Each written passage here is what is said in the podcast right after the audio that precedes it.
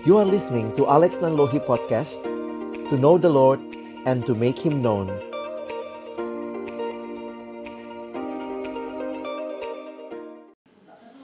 Shalom, selamat sore. Terima kasih Kak Santi, Kak Leni yang sudah kasih kesempatan untuk boleh sharing sore hari ini. Pertama-tama saya bersyukur sama Tuhan yang sudah memberikan kesempatan ini dengan adik-adik semua, teman-teman yang ada di Samarinda. Nah, ini namanya kita berzoom, Pak. ya, karena lewat Zoom ya. Dan kesempatan ini Kak Alex ingin boleh juga mengenal adik-adik sekalian. Tentunya waktu yang singkat ya, kita juga nggak bisa kenalan mendalam ya. Tapi boleh Kak Alex tanya kepada adik-adik yang ada di Zoom, di ruang Zoom ini, apa kabarmu hari ini ya? Dan saya minta teman-teman boleh respon, caranya gampang Kalian lihat aja gambar berikut ini ya. Nah, coba teman-teman pilih gambar nomor berapa yang paling menggambarkan kondisimu hari ini. Ya, silakan. Langsung nanti dijawab. Yang di YouTube juga silakan boleh jawab di YouTube-nya gitu ya. Berapa nomor berapa yang paling menggambarkan kondisimu hari ini? Ya, silakan teman-teman lihat pilih nomor berapa saja yang sesuai dengan kondisimu. Kita tidak saling menghakimi, kita tidak saling uh, ngata-ngatain begitu ya. Tapi ya kita cuma ingin tahu ya. Cuman boleh pilih satu nomor ya. Kecuali kalau kalian berdua di situ. Nah, coba tulis nomornya nomor berapa. Silakan, saya tunggu ya. Oke. Di chat aja, di chat aja. Uh, uh, silakan adik-adik bisa tulis di chat ya. Kita membutuhkan lima soft skill ini di era digital. Motivasi, komunikasi, pengendalian diri, berpikir kreatif, inovatif, dan integritas. Nah, saya makin melihat bahwa situasi yang terjadi ini, yaitu pandemi ini, yang kalau kita ingat-ingat ya, sebenarnya kan ini awalnya masalah apa? Masalah kesehatan tapi karena ini kemudian terjadinya bukan hanya di satu tempat, akhirnya merebak ke seluruh dunia menjadi yang disebut pandemi. Dan ini bukan hanya jadi masalah kesehatan, telah menjadi masalah ekonomi, masalah pendidikan. Kalian harus belajar di rumah, les dari rumah, pakai laptop, pakai HP, ini juga buat orang tuamu jadi masalah pekerjaan karena mungkin ada yang harus bekerja di rumah, kalaupun masuk kantor pakai prokes, harus masuk bergantian.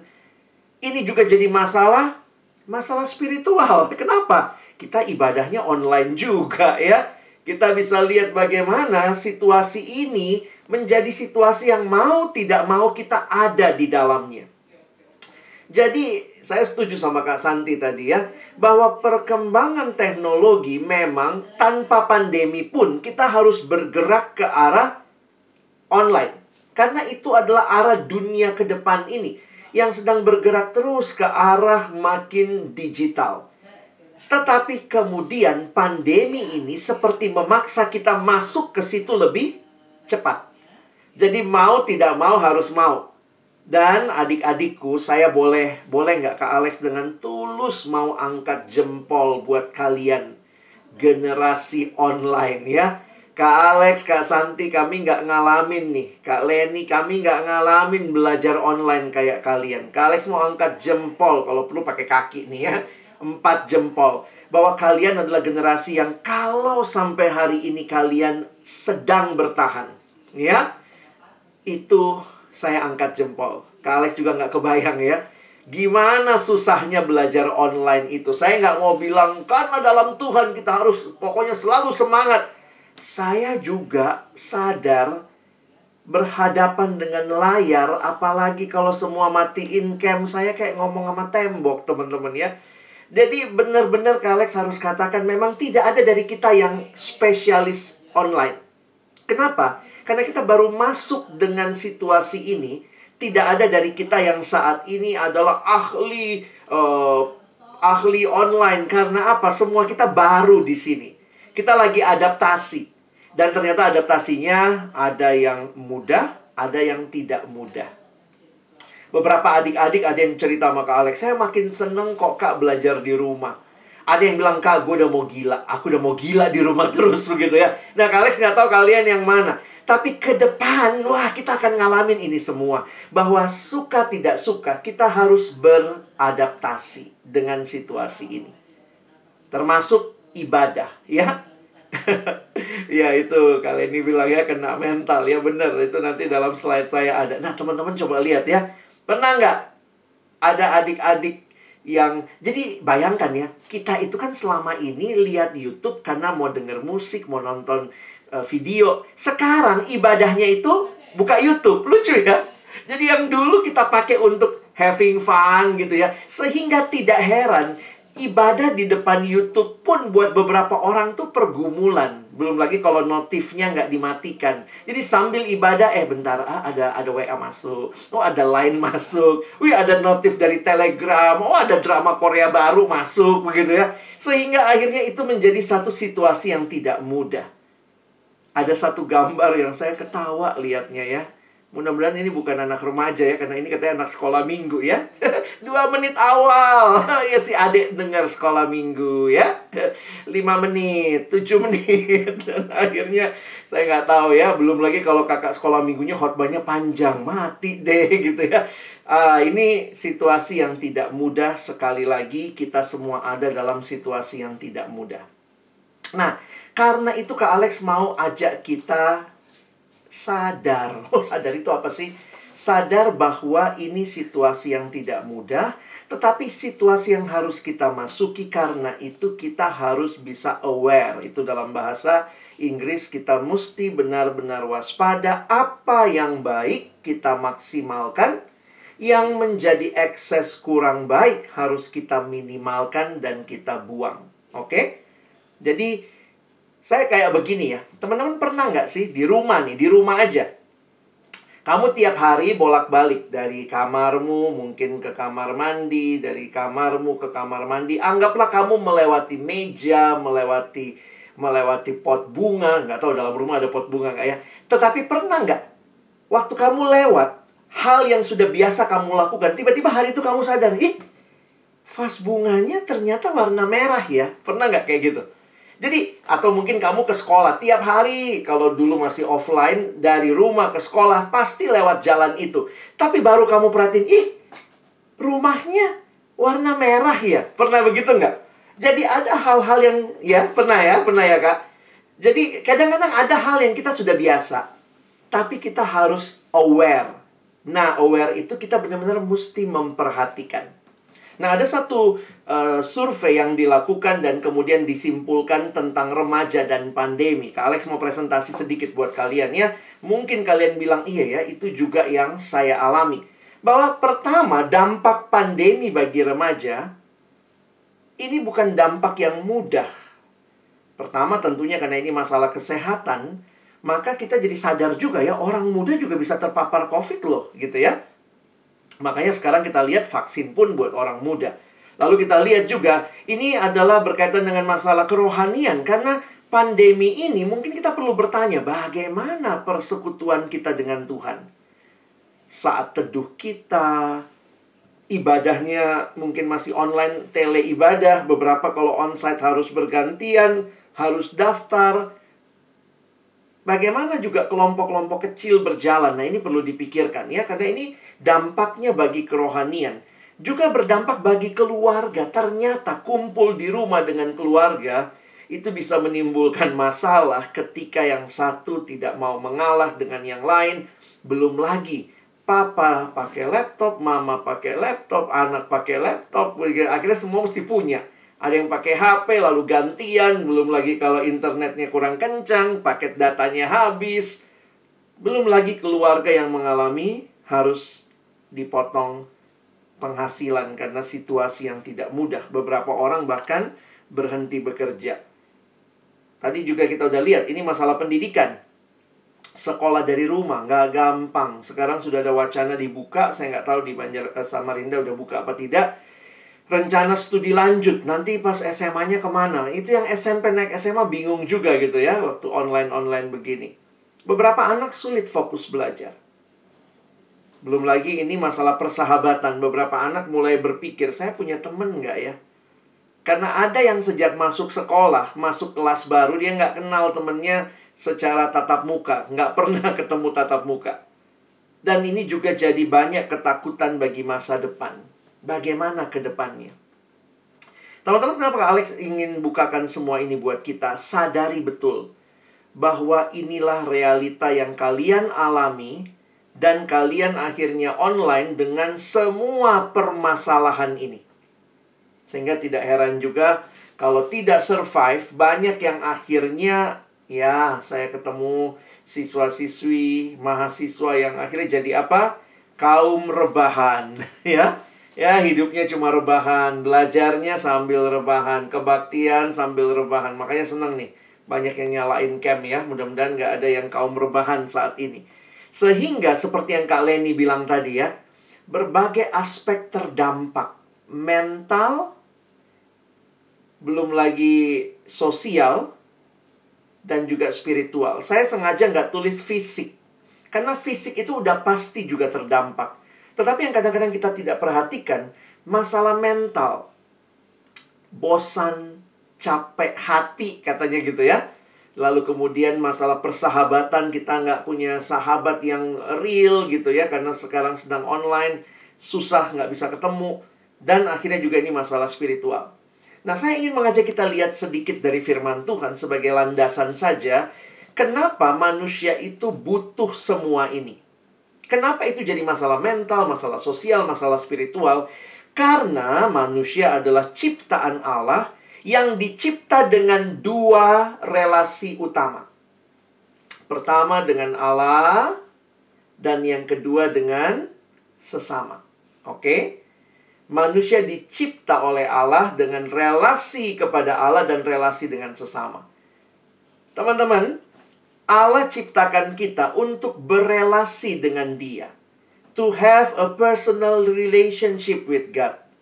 Makanya satu kalimat yang dituliskan oleh seorang teolog bernama Nicky Gamble. Coba, biar kalian gak bosen, baca bersuara di tempatmu. Tapi matikan mic-nya ya. Satu, dua ya. Pria dan wanita diciptakan untuk hidup dalam hubungan dengan Allah. Tanpa hubungan tersebut, akan selalu ada rasa lapar, sebuah kekosongan, dan sebuah perasaan yang hilang. Kenapa? Karena kita ini diciptakan oleh Allah untuk bersekutu dengan Dia. God wants to have a personal relationship with us. Karena itu ingat betul-betul. Manusia hanya menemukan kepuasan sejati di dalam penciptanya. Nah, mesti ingat itu. Orang berikut ini orang pintar. Kalian kenal rumusnya kalau di sekolah. Tapi ternyata dia juga seorang hamba Tuhan atau seorang anak Tuhan yang sungguh-sungguh namanya Blaise Pascal. Lihat kalimatnya.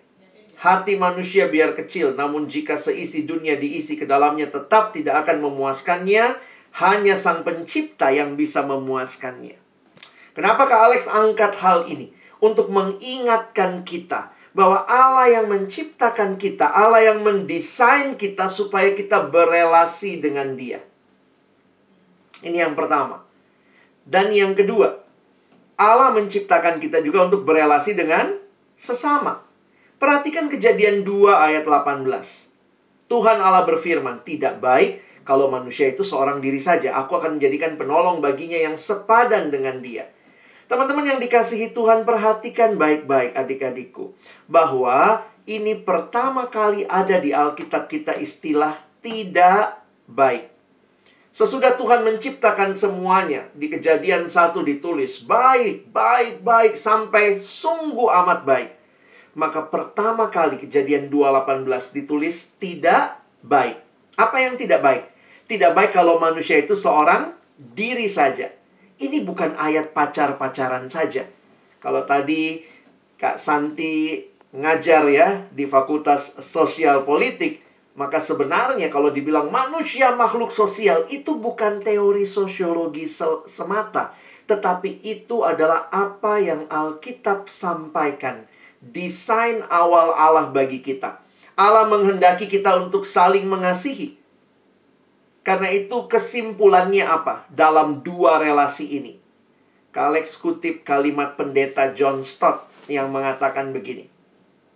Sebagaimana ikan dibuat untuk air, umat manusia dibuat untuk kasih, untuk mengasihi Allah dan mengasihi sesama kita. Ayo, hayati lagi kalimat ini. Sebagaimana ikan dibuat untuk air, umat manusia dibuat untuk kasih. Pertama, mengasihi Allah. Kedua, mengasihi sesama. Makanya Tuhan Yesus waktu ditanya hukum mana yang paling utama dia katakan kasihilah Tuhan Allahmu dan kasihilah sesamamu manusia. Kenapa ini penting? Apa pun yang sedang terjadi dengan internet yang harus online. Teman-teman harus ingat baik-baik. Membangun dua hal ini. Membangun kasih kepada Allah dan juga membangun kasih kepada sesama.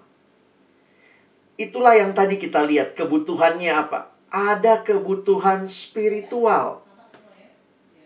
Kalau kita tidak maintain, kita tidak jaga relasi spiritual kita sama Tuhan, maka kita kehilangan apa yang Tuhan sudah rancangkan dari awal. Ada orang yang saya dengar sejak online gak mau gereja. Bilangnya apa? Saya nggak bisa gereja online. Tapi terus gimana? Berarti dia udah nggak gereja satu setengah tahun lebih dong. Kita tidak bisa menyalahkan online atau offline, tetapi kita harus tahu kita manusia yang harus berelasi dengan Allah, harus berelasi dengan sesama. Ada yang bilang, aduh saya nggak suka sih ketemu online. Tapi kalau kita tidak perjuangkan pertemuan online, sementara situasi belum memungkinkan, kita nggak membangun relasi dengan sesama. Padahal ingat, Tuhan ciptakan kita untuk membangun relasi dengan sesama. Jadi Tuhan ciptakan kita bangun relasi dengan dia, bangun relasi dengan sesama. Nah sekarang online itu kan sebenarnya cuma sarananya. Makanya kalau Kak Alex mengingatkan, kalau sekarang ini kita online, pastikan bahwa kamu juga sedang membangun relasi dengan Allah dan juga sedang membangun relasi dengan sesama. Apa yang mungkin menjadi hal yang harus kita waspadai? Kalau saya lihatnya begini ya, teman-teman, kita harus waspada bukan cuma karena online. Waktu offline pun kita harus waspada karena online atau offline masalah utamanya di hati kita. Apakah hati kita sedang terus mencintai Tuhan dan mencintai sesama? Karena itu perhatikan istilah ini. Ketika berbicara tentang dosa, dosa adalah apa yang engkau lakukan ketika hatimu tidak puas dengan Allah. Oke? Okay? Harusnya hati kita itu puas dengan Allah, belajar mengasihi Allah, belajar mengasihi sesama. Tetapi ketika hati kita nggak puas dengan Allah, hati kita hanya fokus sama diri sendiri. Maka hati-hati. Kalau orang nanya, apa yang harus diwaspadai pada waktu online? Hati-hati dengan hatimu. Please be careful with your heart. Ada kalimat bahasa Inggris bilang begini, What is the heart of the problem? The heart of the problem is the problem of the heart. Masalah hati.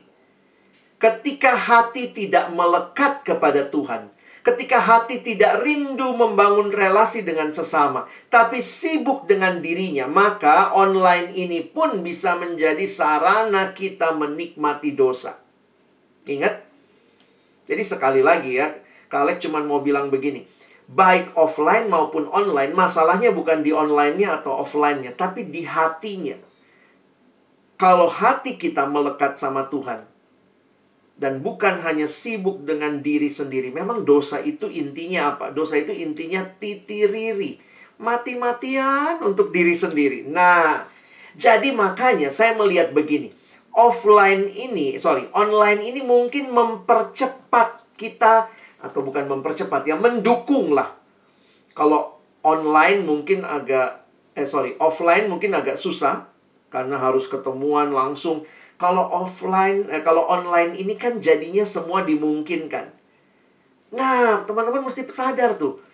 Ketika online ini jadi segala-galanya sekarang, itu bisa jadi jebakan juga.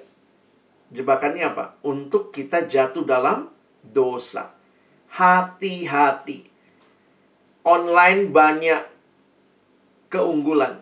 Benar, Kak Alex tidak harus datang ke Samarinda. Kalian bisa dengar Kak Alex bicara. Saya nggak perlu keluarin ongkos ke sana. Kalian bisa kita ketemu. Ini kekuatannya online. Tetapi, sama seperti offline, online. Offline punya kekuatan, punya kelemahan. Online juga punya kekuatan, punya kelemahan. Karena itu hati-hati ketika engkau bisa jadi mulai terikat. Nah, ini nih kalau mungkin kamu bilang, tapi sekarang gimana kak? Belajar pun pakai HP. Iya sih. Tapi perhatikan, kamu sudah mulai kecanduan atau tidak. Banyak orang punya smartphone, tapi nggak smart. Namanya sih smartphone ya. Tapi dengan smartphone-nya ya ini bisa dibilang goblok phone juga ya. Karena jadi goblok. Yang dia sibuk ngecek HP, Tahu-tahu nanti download yang nggak benar, yang tidak jelas. Akhirnya bukannya memuliakan Tuhan. Hati-hati. Ini satu survei tentang dampak pandemi terhadap remaja. Katanya setelah pandemi atau di dalam pandemi ini remaja lebih kecanduan internet ya ya gimana ya namanya juga kita belajarnya semua pakai internet tapi akhirnya pertanyaannya begini dipakai belajar nggak internetnya oh ada intensitasnya. Ini kan uh, researchnya cukup cukup luas ya dari 2.933 responden remaja di seluruh Indonesia.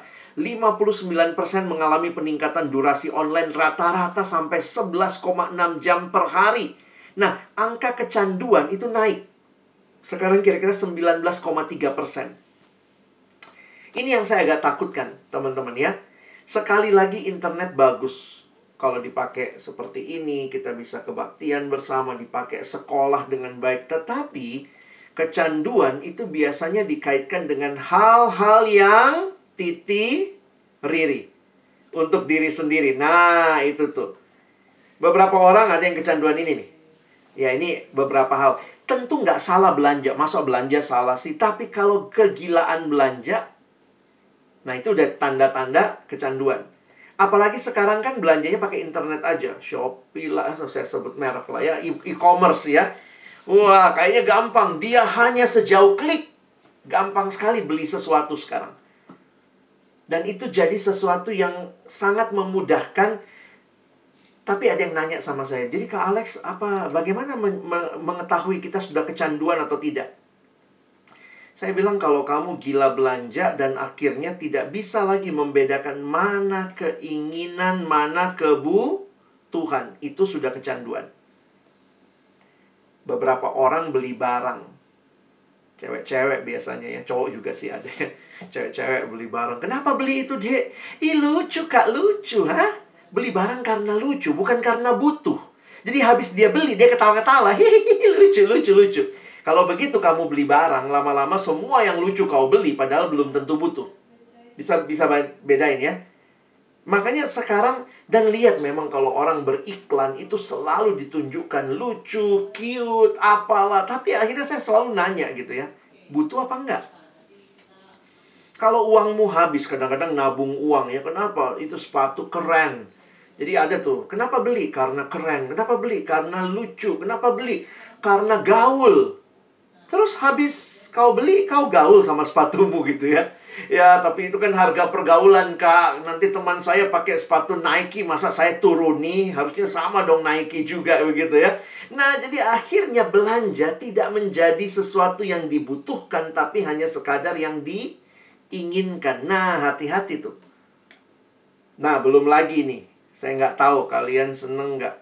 Wah, yang drama-drama Korea ya. Mungkin adiknya ada yang suka juga atau kakaknya malah mungkin yang suka ya yang itu kemudian akhirnya aduh capek tapi nggak bisa berhenti nonton Tuhan kasih kita malam untuk apa untuk nonton drama Korea berseri-seri Tuhan kasih kita malam untuk tidur. Itu kan udah hukum alamnya begitu ya. Teman-teman, saya tidak menolak nonton. Silahkan nonton drama yang baik sesuai umurmu tentunya ya. Banyak drama-drama yang baik, ada juga yang menghibur, yang lucu, yang yang banyak informasi. Korea tuh banyak ya bagus-bagus ya lucu ya. Ini misalnya ada yang pernah saya tonton gitu ya. Wah lucu kita bisa ketawa gitu ya. Ada kalau yang ini hospital playlist banyak informasi kedokterannya. Teman-teman yang dokter mungkin suka begitu ya.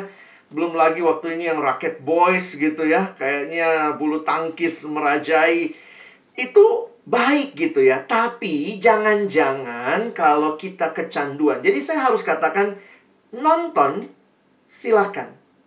Tapi kecanduan nonton adalah kamu tidak bisa lagi mengontrol dirimu sehingga kamu menghabiskan waktu bukan lagi untuk hal yang utama tapi untuk hal yang tidak utama.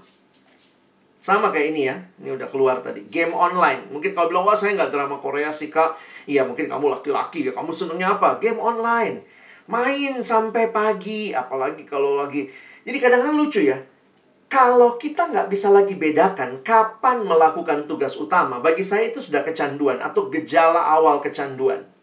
Harusnya tidur malah main.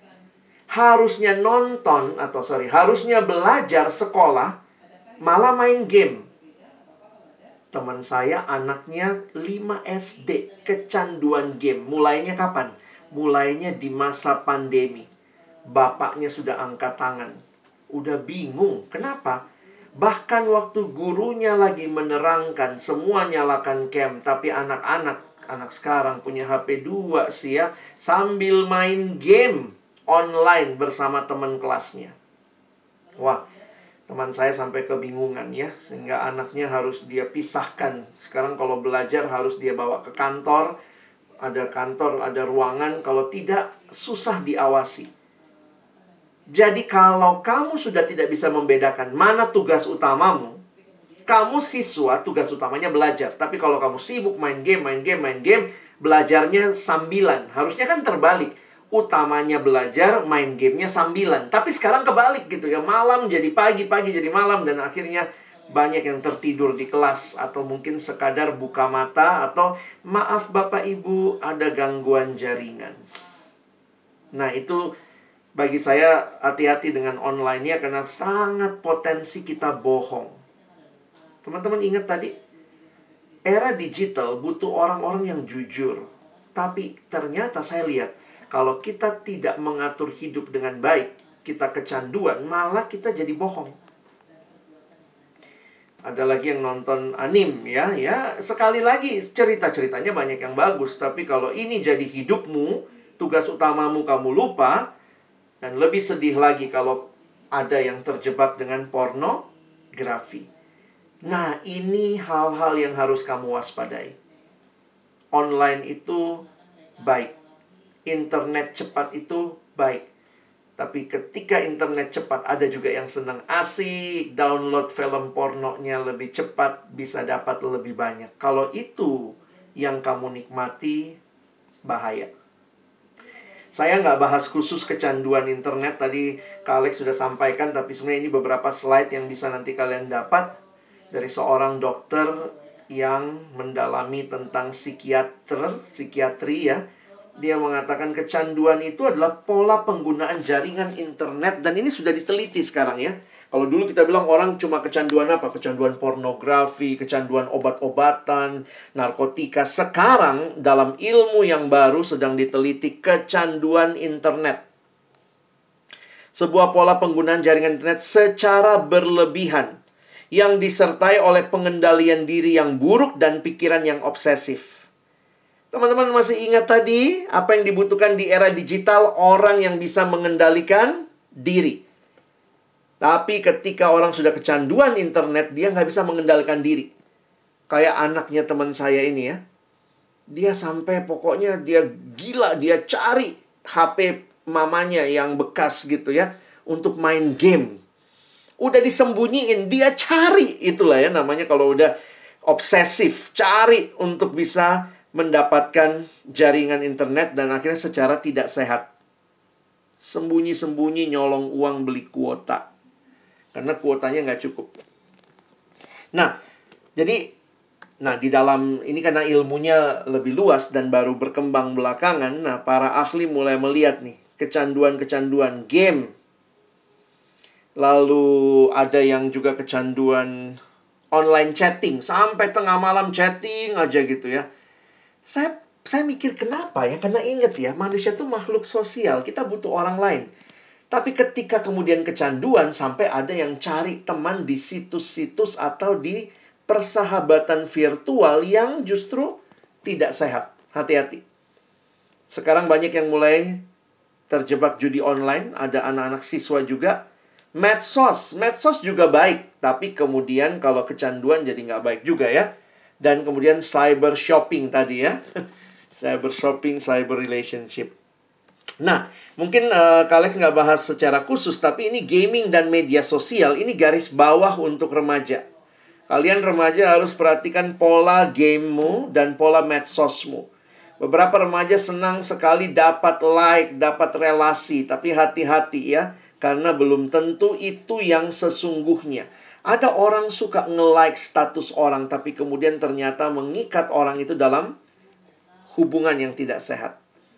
Di dalam penelitian ditemukan begini ya, ini tujuan penggunaan internet yang wanita cenderung mengakses media sosial. Karena wanita ini memang lebih mengutamakan pertemanan.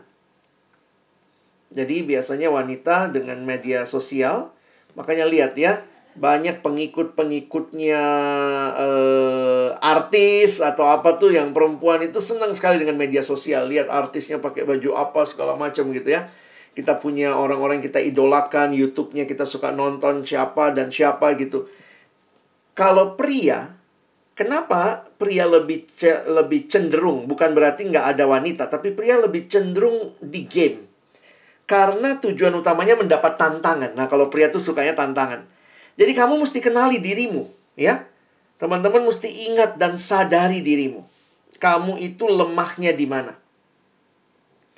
Kalau ada cowok juga yang suka medsos, ya, bukan berarti tidak ada.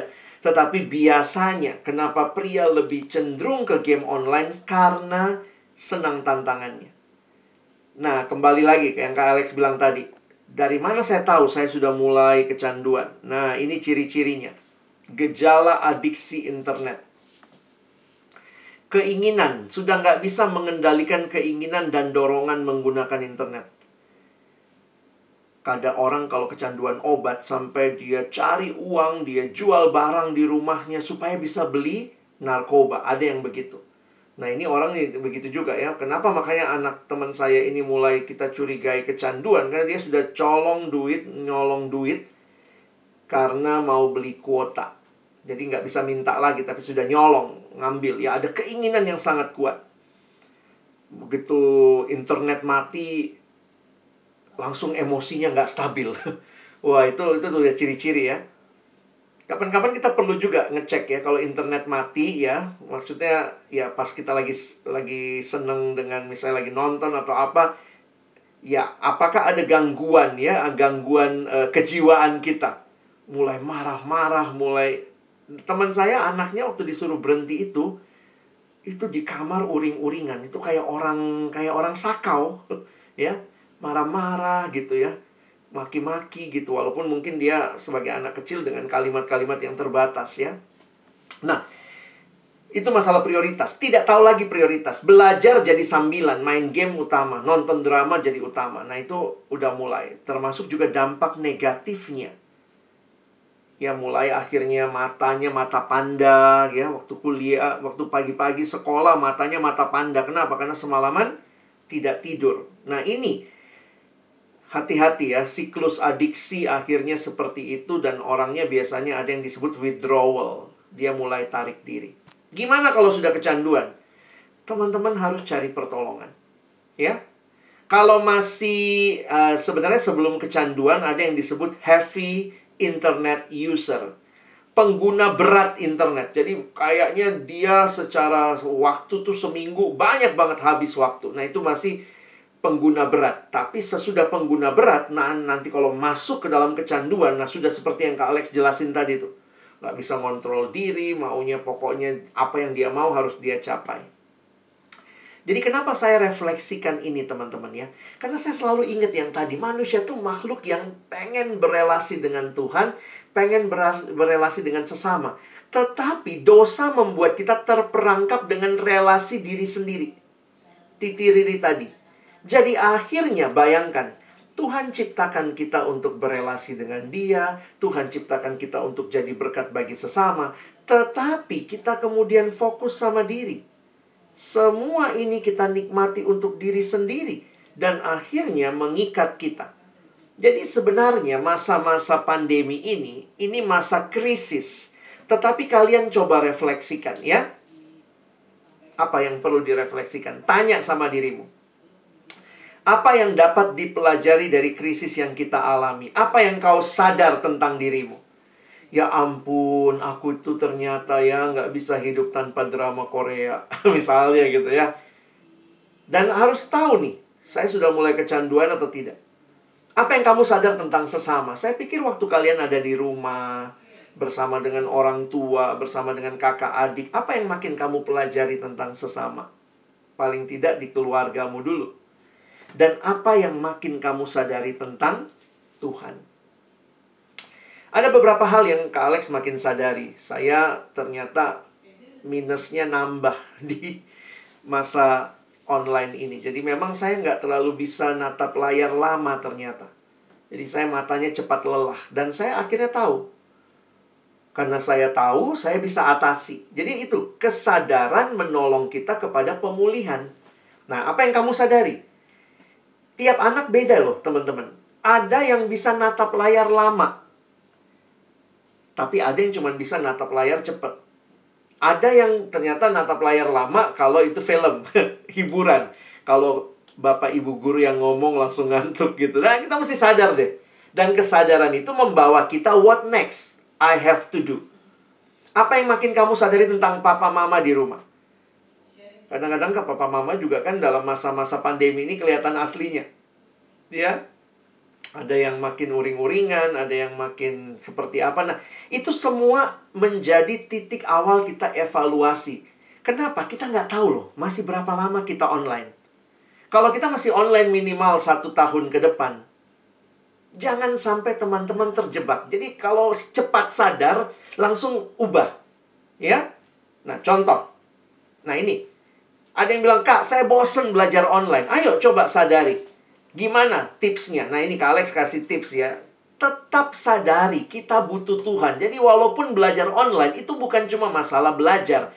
Itu juga masalah rohani. Mulailah dengan doa. Teman-teman belajar, kalaupun gurumu nggak mulai dengan doa, kalau kalian sekolah negeri mungkin nggak mulai dengan doa ya.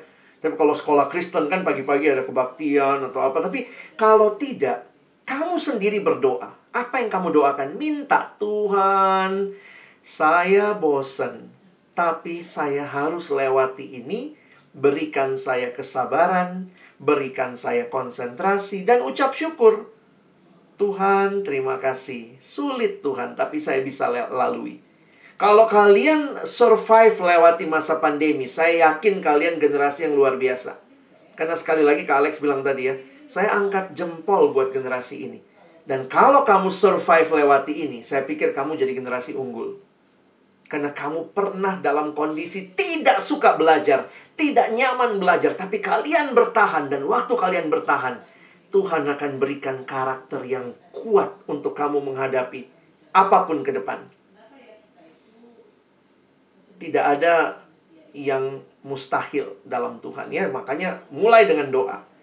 Lalu ya, ini tips-tips pilih tempat belajar yang nyaman gitu ya. Jangan belajar dekat televisi karena matanya bisa nyenggol-nyenggol TV juga ya. Gunakan metode belajar yang sesuai. Tiap anak beda metode belajarnya. Ayo pakai metodemu. Ada yang lebih suka belajarnya dia rekam. Wah, itu saya ya. Jadi dulu saya kalau belajar itu zaman dulu kan belum ada voice notes atau apa ya. Jadi waktu dulu ya pakai tape. saya bacain nanti kemudian saya dengerin gitu karena saya juga seneng mendengar ya jadi saya sedikit audible apa metode belajar yang sesuai memang belajar online ini nggak semuanya suka tapi kalau gitu bikinlah sesuatu yang kamu suka Kalau kamu anak yang grafis, waktu sambil guru menerangkan, bikinlah grafiknya. Uh, oh ini begini, begini. Nanti jadilah infografis dan di situ menolong kamu belajar. Jadi jangan salahkan, semua belajar online ya sudahlah saya juga malas, saya nggak suka sebenarnya ini. Kalau kamu nggak suka, cari yang kamu suka. Metodenya seperti apa? Karena kita makhluk relasional, mungkin kamu perlu buat kelompok belajar kecil dengan teman-temanmu. Ya mungkin belajar sama-sama gitu ya. Eh kita belajar ya review. Saya dulu kalau sama teman suka gitu ya sebelum ujian, ulangan di sekolah. Ya karena kami ketemu langsung biasanya teman saya bacain. Uh, tiga hal fungsi ginjal. Ayo, satu, dua, tiga. Jadi kalau ada teman tuh enak ya, ada sparring partner. Mungkin kita perlu. Kenapa? Kita tuh makhluk relasional. Dan luangkan waktu untuk hal-hal yang kamu sukai. Nah, tetap sih Kak Alex nggak melarang nonton, main. Tetapi, luangkan waktu. Jadi jangan justru luangkan waktu buat belajar. Belajar itu utamanya. Luangkan waktu untuk yang kamu sukai. Nah, dan sebagai bagian yang terakhir yang mungkin saya mau berikan sebelum nanti kita bisa diskusi ya, tanya jawab. Teman-teman sadari ya.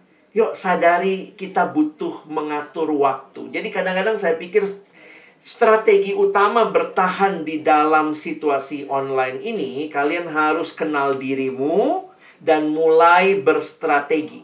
Atur waktu, kapan istirahat, kapan belajar, kapan main, kapan ibadah. Jadi itu kalian sisihkan waktu time management ya, atur dengan baik. Kalau kamu capek, ya istirahat. Tapi istirahatnya harus diatur. Makanya kenapa banyak yang nggak seger pagi-pagi ya. Kita mesti ngatur diri juga ya. Ada yang belajar juga nggak mandi ya. Saya membiasakan dalam masa pandemi ini sejak awal mandi pagi. Itu menolong lah buat saya. Karena banyak orang akhirnya nggak mandi ya. Jadi akhirnya tuh bawaannya tuh mager, bawaannya tuh rebahan. Kenapa? Mandi aja enggak gitu ya. Terus kan ya alasan kita begitu ya. Nggak keringat kok mandi gitu ya. Kan di rumah aja, nggak keluar. Siapa yang lihat? Mungkin nggak ada yang lihat, tapi kamu tidak terkondisikan untuk belajar. Jadi kita mesti tahu ya, kapan main, kapan belajar, kapan ibadah, setting semua dengan baik. Ya. Nah, dan saya pikir yang tidak kalah pentingnya tetap bertumbuh, ya. 2 Petrus 3 ayat 18. Ayo kita baca ayat ini sama-sama. Di akhir surat 2 Petrus, Petrus menuliskan ayat ini bagi jemaat. Satu, dua, ya. Tetapi bertumbuhlah dalam kasih karunia dan dalam pengenalan akan Tuhan dan Juru Selamat kita Yesus Kristus. Baginya kemuliaan sekarang dan sampai selama-lamanya. Teman-teman, kalau kita harus bertumbuh, maka kita juga harus cari cara-cara yang baik untuk bertumbuh, termasuk online. Nah, memang ya Kak Alex kadang suka merasa sedih ya. Memang kadang-kadang sedikit sekali web Kristen yang baik. Kalau disuruh tanya anak sekolah minggu, anak remaja, coba sebutkan. Ada nggak website Kristen yang sering kamu buka? Atau adakah apps yang sering kamu buka? App aplikasi Kristen. Itu tuh kita sedih ya, nggak banyak gitu ya. Mungkin juga nggak banyak yang ngecek website gereja ya. Nggak banyak yang ngecek YouTube-nya gereja juga. YouTube gereja itu bukan tontonan yang disukai anak-anak misalnya begitu ya. Dan saya juga jadi sadar, kalau kita semua online berarti bertumbuh pun bisa dengan online. Apa yang bisa kita lakukan? Kenali beberapa website Kristen untuk remaja supaya kalian juga bisa bertumbuh. Misalnya, Kalex rekomendasi ya, coba download ini aplikasinya, lihat juga di di websitenya ya warung sate kamu. Untuk kalian yang mau saat teduh setiap hari bisa mengakses warung sate kamu.com. Warung saat teduh kaum muda disingkat warung sate kamu ya. Nah, ini bisa teman-teman Mau download di aplikasi Google Store ada. Kalian bisa saat teduh setiap hari. Kalian bisa berbagi dengan anak-anak muda Kristen yang lain. Kalian bisa share apa yang kamu terima dapat hari ini. Ada artikel-artikel yang bagus. Ada ada uh, lock screen yang juga bisa kalian download. Ada musik, ada teman-teman yang kontribusi puisi. Jadi anak muda online bukan cuma buat belajar di sekolah, tapi online juga untuk kalian bertumbuh secara rohani. Ayo, bisa kalian cek juga ini Bible Project. Bible Project adanya di YouTube. Itu membahas dengan gambar-gambar visual yang baik. Kalian tertolong imanmu bertumbuh teman saya selama masa pandemi mewajibkan anaknya nonton satu video Bible Project per hari. Wah, itu menarik juga ya. Ya bagus nih. Karena animasi teman-teman dan sudah ada bahasa Indonesianya. Kalau kalian lebih fasih berbahasa Inggris, malah banyak sekali website yang bagus. Jadi anak-anak Tuhan harus diperkenalkan dengan website Kristen Kalian lebih gampang ditanya, apa permainan game online? Langsung bisa sebut 1, 2, 3, 4, 5. Bisa sebutkan 10 game online. Coba sebutkan 10 website Kristen. Langsung diem semua gitu ya. Website Kristen apa ya? Tapi kalau ditanya, sebutkan 5 YouTuber yang suka kamu nonton. Wah, langsung si ini, si ini, si ini, si ini ya. Wah, Makanya saya juga sekarang banyak promosikan website-website Kristen. Kenapa? Kita nggak banyak tahu. Nah, ini buat anak-anak muda yang senang mendengarkan kisah dibungkus dengan kisah yang bagus dari pengalaman hidup orang, ditata dengan video yang baik, masuk ke Yes He Is Indonesia, internasional juga ada. Itu cerita-cerita yang hidup bagaimana orang berjumpa dengan Tuhan, yang kecanduan, yang berantem sama orang tua, yang punya pergumulan. Nah, ini video-video yang bagus yang bisa membangun iman kamu. Oke? Nah, Alex berpikir ini yang teman-teman perlu sama-sama bangun. Online bisa dipakai. Membangun relasi dengan Tuhan. Membangun relasi dengan sesama. Dan ini jadi peluang kita untuk tidak berhenti bertumbuh. Bahkan di dalam situasi yang online. Oke. Kak Santi saya berhenti dulu di sini. Silakan kalau ada pertanyaan saya buka kesempatan. Terima kasih. Oke, terima kasih buat Kak Alex ya yang sudah um, memberikan materi yang luar biasa ini bahkan dari apa yang telah disampaikan oleh Kak Alex tadi ini dari saya sendiri nanti banyak pertanyaan ini Kak.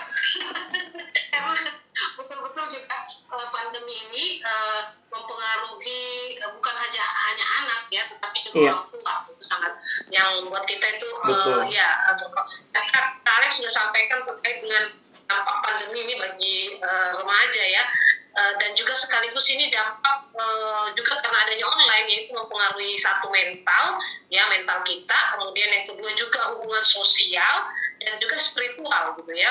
Ya ingat ya. juga uh, kondisi selama pandemi ini kita kan beribadah secara uh, online ya. ya jadi memang uh, nuansanya itu beda kak. Ya antara hadir secara langsung ibadah dengan hanya menyaksikan layar layar gitu ya kak. Jadi cocok itu tadi akhirnya muncullah kaum rebahan kita bisa sambil rebahan beribadah gitu ya. sama seperti tadi ilustrasi anak yang dua menit sih masih duduk rapi kayak nanti sepuluh menit kita udah jungkir balik gitu ya. Nah, sama juga dengan uh, apa namanya anak-anak remaja dan juga orang tua gitu ya. Mungkin dua menit pertama masih duduk rapi. Uh, menit-menit selanjutnya tuh bisa sambil makan ya bisa sambil uh, apa namanya nyandar-nyandar gitu ya. Jadi sudah, uh, fokus lagi gitu jadi uh, mempengaruhi banget ya baik mental sosial dan spiritual ini tetapi satu hal yang tadi luar biasa kakak sudah sampaikan bahwa sebenarnya uh, di masa uh, segala, ketika segala sesuatu serba online ini yang terutama kita harus bisa mengenali diri ya iya. diri yeah. kita sendiri ya ini sepertinya kita ini sudah sampai pada tahap mana apakah candu ya atau masih biasa-biasa saja gitu ya. Betul. Nah baru kita uh, baru kita mengenali sesama kita dan juga uh, uh, mengenali tentang Tuhan itu sendiri ya karena memang selama online ini banyak mengajarkan sebenarnya kalau dari sisi anu ya kak kehidupan keluarga tidak juga terlalu banyak mempengaruhi hubungan kita menjadi lebih dekat sih kak bahkan Betul. sering kali adanya online ini orang tua tuh lebih sering memarahi anak kak ya karena? Eh, stres dengan pelajaran anaknya gitu ya. Jadi anaknya aduh gimana sih kamu? Anak orang lain kok bisa kamu? Ya gitu. Saya juga mengalami itu kan jadi oh, iya. pengalaman pribadi ya kak. iya banyak hal yang kita alami bahkan dengan uh, keluarga gitu dengan masalah karena sosialisasi, sosialisasi kita tuh hanya berputar di dalam uh, satu uh, ruangan gitu ya uh, tempat sehingga itu yang akhirnya mempengaruhi pada kondisi-kondisi uh, lainnya gitu ya baik emosi gitu ya kemudian hmm. kreativitas kita juga mungkin terbatas hanya pada penggunaan media media-media online ke atau uh, teknologi tapi kreativitas kita untuk uh, lingkungan sosial kemudian kreativitas-kreativitas yang lain yang yang memang harus dilakukan dengan interaksi manusia itu memang uh, sangat kurang ya itu yang yeah. uh, diakibatkan karena masa pandemi tapi satu kata Kak Alex tadi kalau kita mampu melewati ini kita uh, adik-adik inilah adalah generasi-generasi yang beruntung dan luar biasa ya, gitu ya. artinya bisa survive dengan kondisi seperti ini. Ya silakan adik-adik jika ada yang mau ditanyakan nah ayo. Ya kak saya ini susah kak untuk fokus kalau beribadah itu nah kalau online gitu. Ya tadi ya sering rebah-rebahan gitu ya eh, yang dan sebagainya. Nah bagaimana mengatasi itu? Nah mungkin pertanyaannya seperti itu sebutan itu. Silakan ada yang mau mengajukan pertanyaan silakan tulis hand ya. Ada ada tanda reaction kalau mau bicara langsung silahkan atau langsung ya langsung saja ngomong uh, hidupkan uh, onkan uh, mikrofonnya dan langsung bisa ngomong. Silakan. Atau bagi adik-adik yang mungkin malu-malu nih mau bertanya secara langsung di layar bisa menuliskannya di uh, room chat ya di chat juga. Boleh nanti uh, kita Alex juga bisa baca pertanyaannya di situ. Silakan yang mau bertanya langsung silakan. Jangan malu-malu ah ya nah kalau malu-malu itu berarti uh, adik-adik ini sudah terkena uh, itu tadi dampak dari media online yang uh, tidak banyak berinteraksi dengan uh, manusia lain gitu ya. Jadi dia lebih pada diri ngomong sama dirinya sendiri sama layar gitu dan ngomong sama manusia. Ya. silakan ada yang mau bertanya langsung? Ayo adik-adikku. Ada? Yang mau raise hand yang raise hand silahkan nanti kakak tunjuk loh nih jangan malu-malu. Ya ayo. Ah apa yang mau ditanyakan? Kemarin kakak udah sempat tanyakan ya silakan adik-adik siapkan pertanyaannya yang seputar tentang masalah-masalah online silakan. Biasanya malu-malu curcol nggak? Ada yang mau ya, silakan curcol ya curcol ya, ya. Gak apa-apa dicurcol, nggak bertanya juga nggak masalah gitu ya. Ini Alex ini akan uh, membantu kita ya untuk uh, ya setidaknya mampu bagaimana kita mengatasi masalah-masalah kita itu. Silakan Cherry silahkan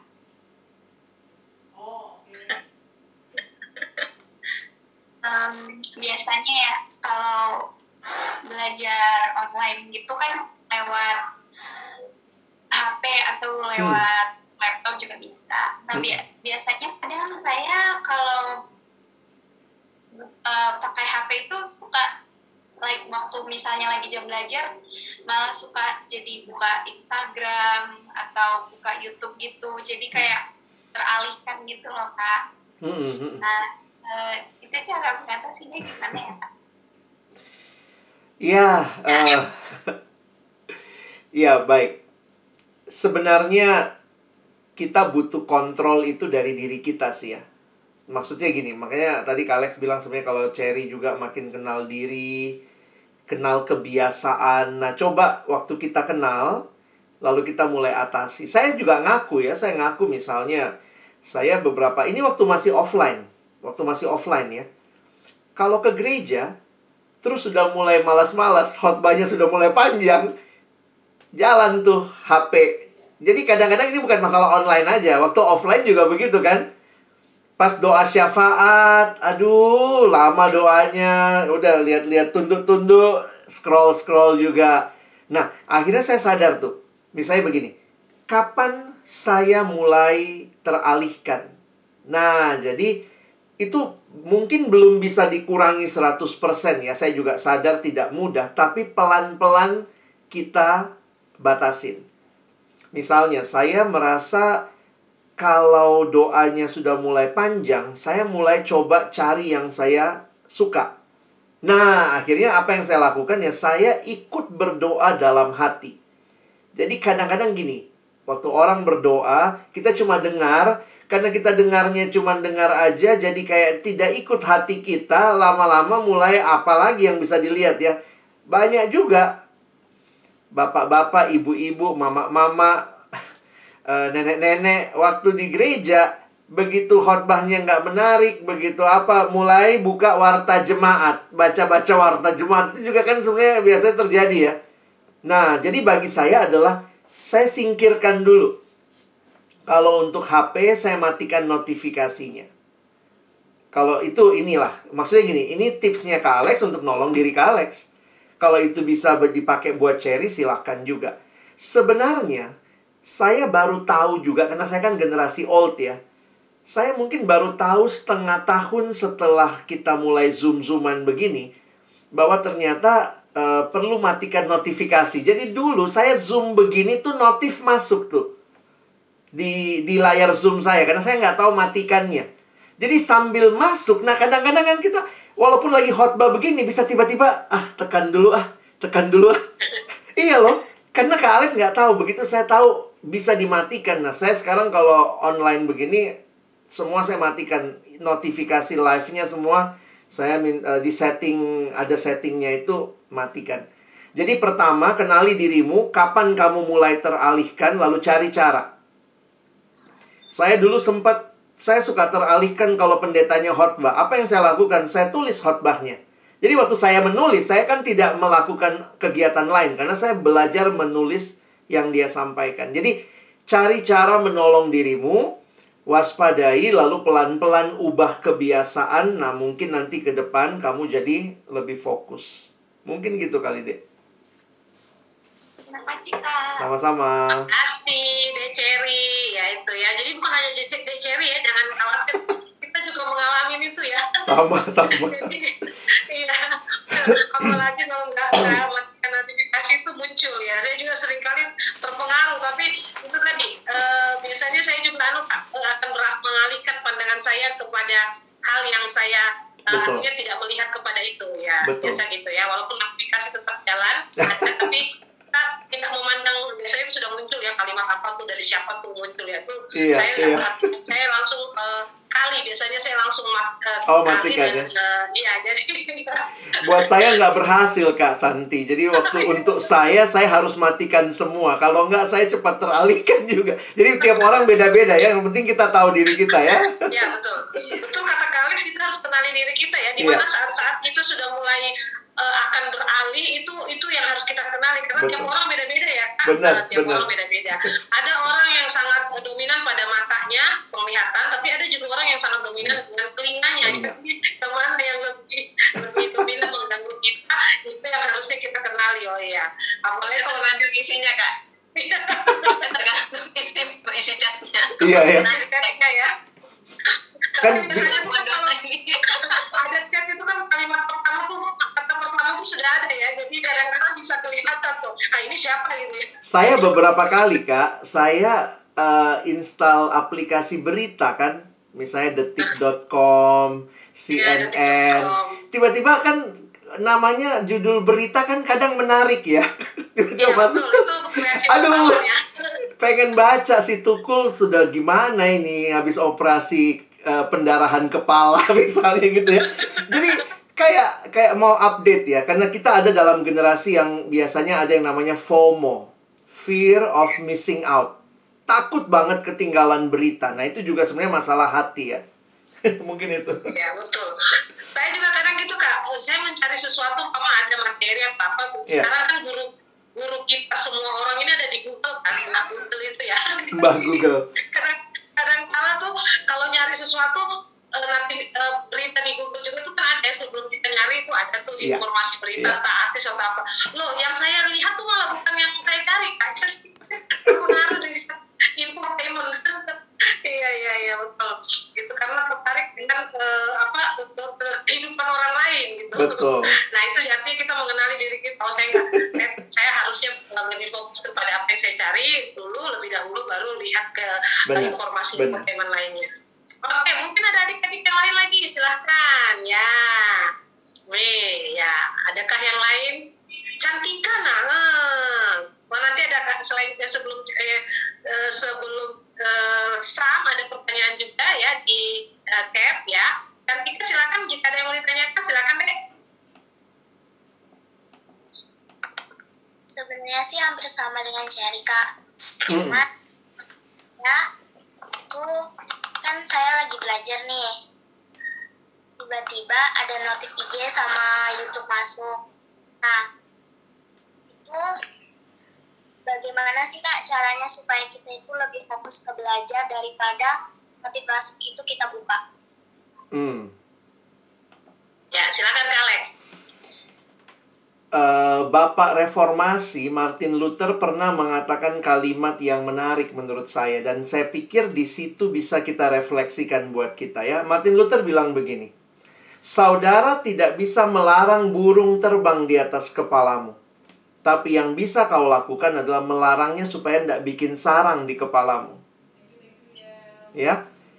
Kadang-kadang ya maaf ya, ini juga pertanyaan saya, pertanyaan Cantika, pertanyaan Cherry tadi kita terganggu sama notifnya, tapi kita juga nggak tapi kita milih untuk lihat gitu. Terganggu sih, tapi kita memilih untuk melihat. Jadi sebenarnya jangan berharap notif itu hilang. Tetapi sekarang adalah ketika ada notif itu, kita mau milih yang mana? Nah, itu. Jadi itu yang kayak Martin Luther bilang, kita nggak bisa larang burung terbang di atas kepala. Saya mau HP yang nggak ada notifnya. Itu dunia sekarang itu notif itu hidup kita. Tapi bagaimana waktu notif itu masuk jangan kemudian kayak burung itu sini ayo bersarang ayo sini sini di kepalaku enggak. Jadi begitu notif ya sudah saya tahu saya lagi belajar. Makanya sekali lagi ya. Kalau kalian setuju dan mau coba kayak Kak Alex, matikan notifnya. Bisa kok. Masuk ke general setting, jadi saya kalau lagi mau khotbah begini, saya matikan notif. Semua notif saya matikan. Karena kalau ada yang masuk, saya aja pembicara teralihkan. Apalagi maksudnya tanda kutip ya. Teman-teman yang memang hidupmu itu, kalian ada di dalam generasi yang banyak interupsi. Perhatikan, notif itu memang membuat kita... Jadi gini, kita itu punya di bawah sadar kita punya FOMO, fear of missing out. Takut kalau kita nggak ngecek notif. Itu dari mana ketakutan itu? Itu unik juga loh. Itu generasi internet. Kayaknya saya kurang nyaman kalau nggak ngecek notif. Karena apa? Asumsinya notif itu buat kita. Itu buat saya, itu buat saya. Tapi kemudian itu mengganggu saya sebenarnya kayak mau tahu berita artis yang kita suka yang terbaru, mau tahu YouTube terbarunya, makanya kita kan nyalakan loncengnya. Itu waktu nyalakan lonceng udah otomatis itu begitu dia upload apa, wih artis kesukaanmu lagi upload apa gitu ya. Dan kalau kalian belajar algoritma, algoritmanya YouTube, algoritmanya uh, eh, IG apa yang kamu sering buka dan cari, itu notifnya lebih sering masuk. Itu udah pasti begitu. Nah, jadi teman-teman, saya cuma mau bilang gitu ya, kalian paling tahu nih, saya suka teralihkan, Kak. Matiin. Kalau saya mau belajar tapi notif tetap masuk, ya siap-siap berarti teralihkan. Atau kamu strong will banget. Seribu notif masuk, tidak peduli. Lihat guru lihat guru. Saya nggak kuat, deh. Saya nggak kuat. Notif itu ganggu saya. Jadi saya matikan. nggak apa-apa sih matikan kan cuma dua jam habis itu lihat bu banyak banget makanya saya habis zoom ini biasanya saya waktu lima menit itu cek notif nih ih bisa masuk tiba-tiba apalagi kalau di grup WA WA persekutuan atau WA alumni begitu kita selesai persekutuan ya ampun udah masuk udah masuk WA 200 kita kan pengen baca semua gitu ya. Padahal sebenarnya kan nggak nggak dibaca juga nggak mati kok gitu ya. Nah itulah uh, kenali dirimu ya.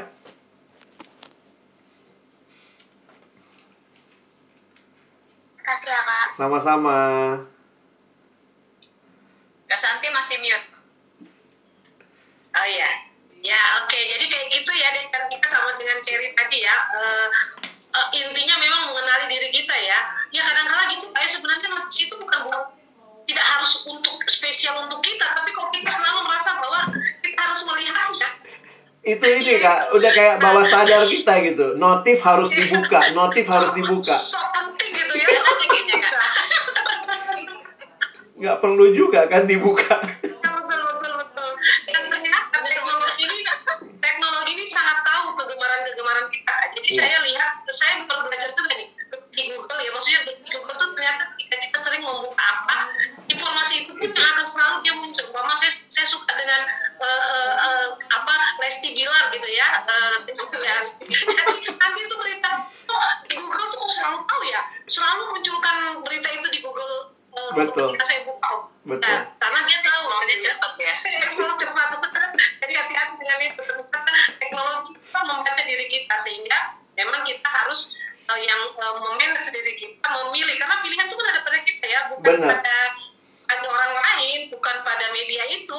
jangan biarkan jangan biarkan media itu memilih untuk kita Jangan ya. biarkan media itu yang memilih, kita yang memilih. Makanya notif itu kan dia suruh, pilihlah aku, aku dong, buka aku dong, buka aku dong.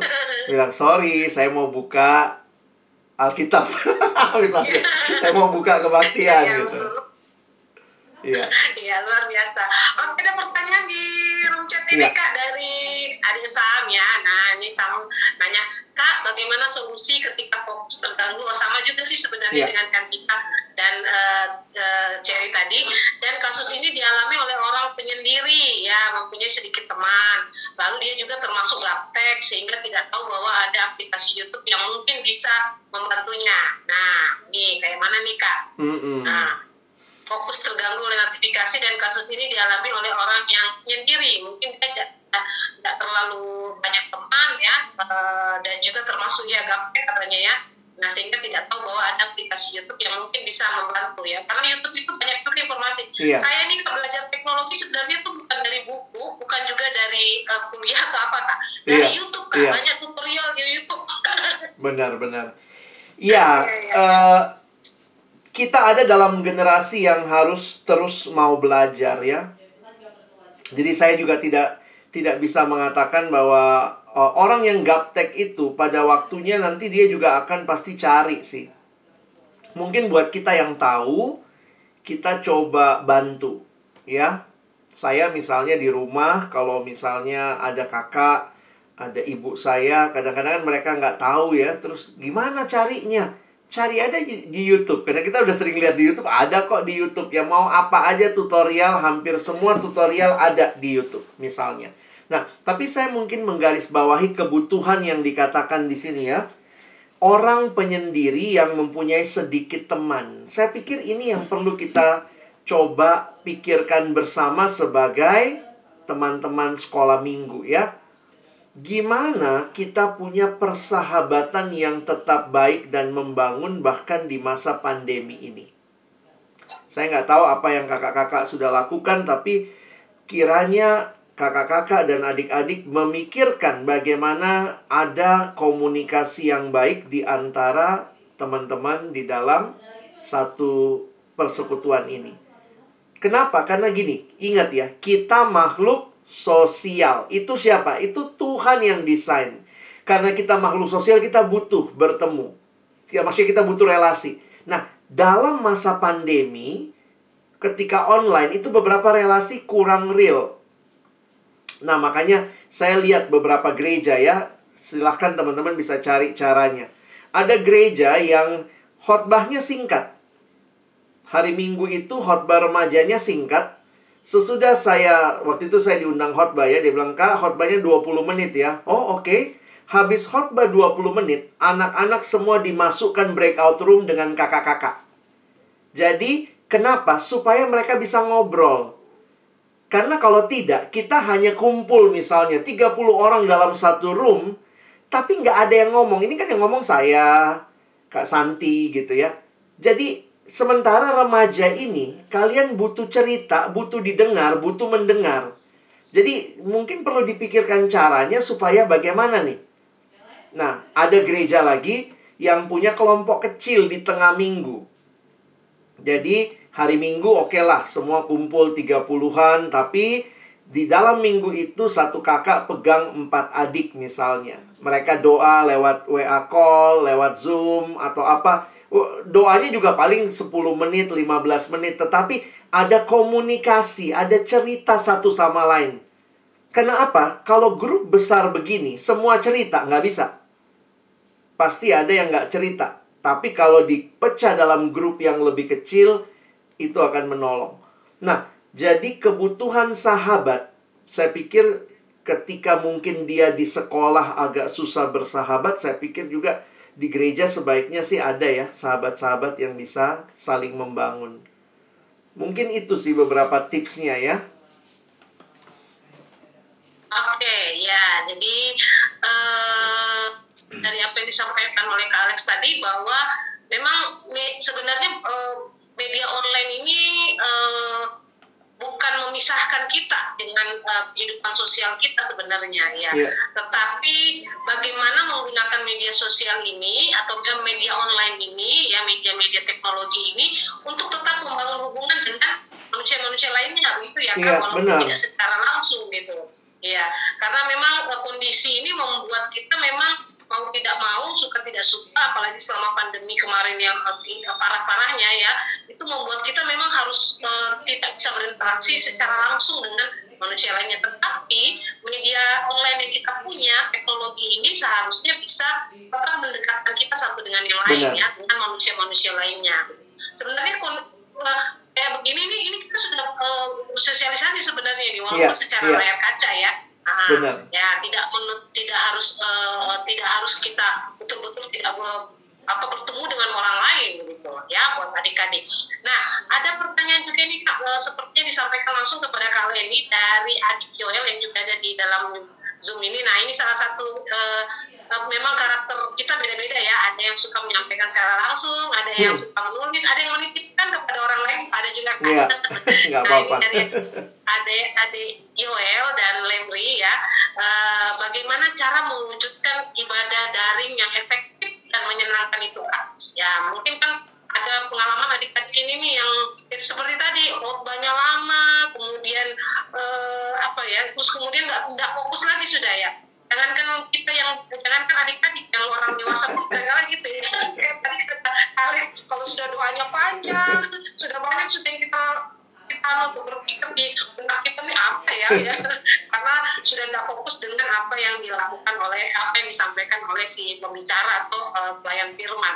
Nah, bagaimana nih kalau untuk supaya uh, ibadah daring itu bisa lebih efektif dan menyenangkan? Silakan kak. Ya, di dalam penelitian, karena sekali lagi ya, teman-teman sekalian, tidak ada yang sangat expert dalam online. Kita semua sedang baru masuk dunia online. Nah, tetapi yang menarik memang yang saya pelajari dari beberapa research yang terakhir ini, hal-hal yang dilakukan secara online, termasuk ibadah, itu durasinya yang dipersingkat.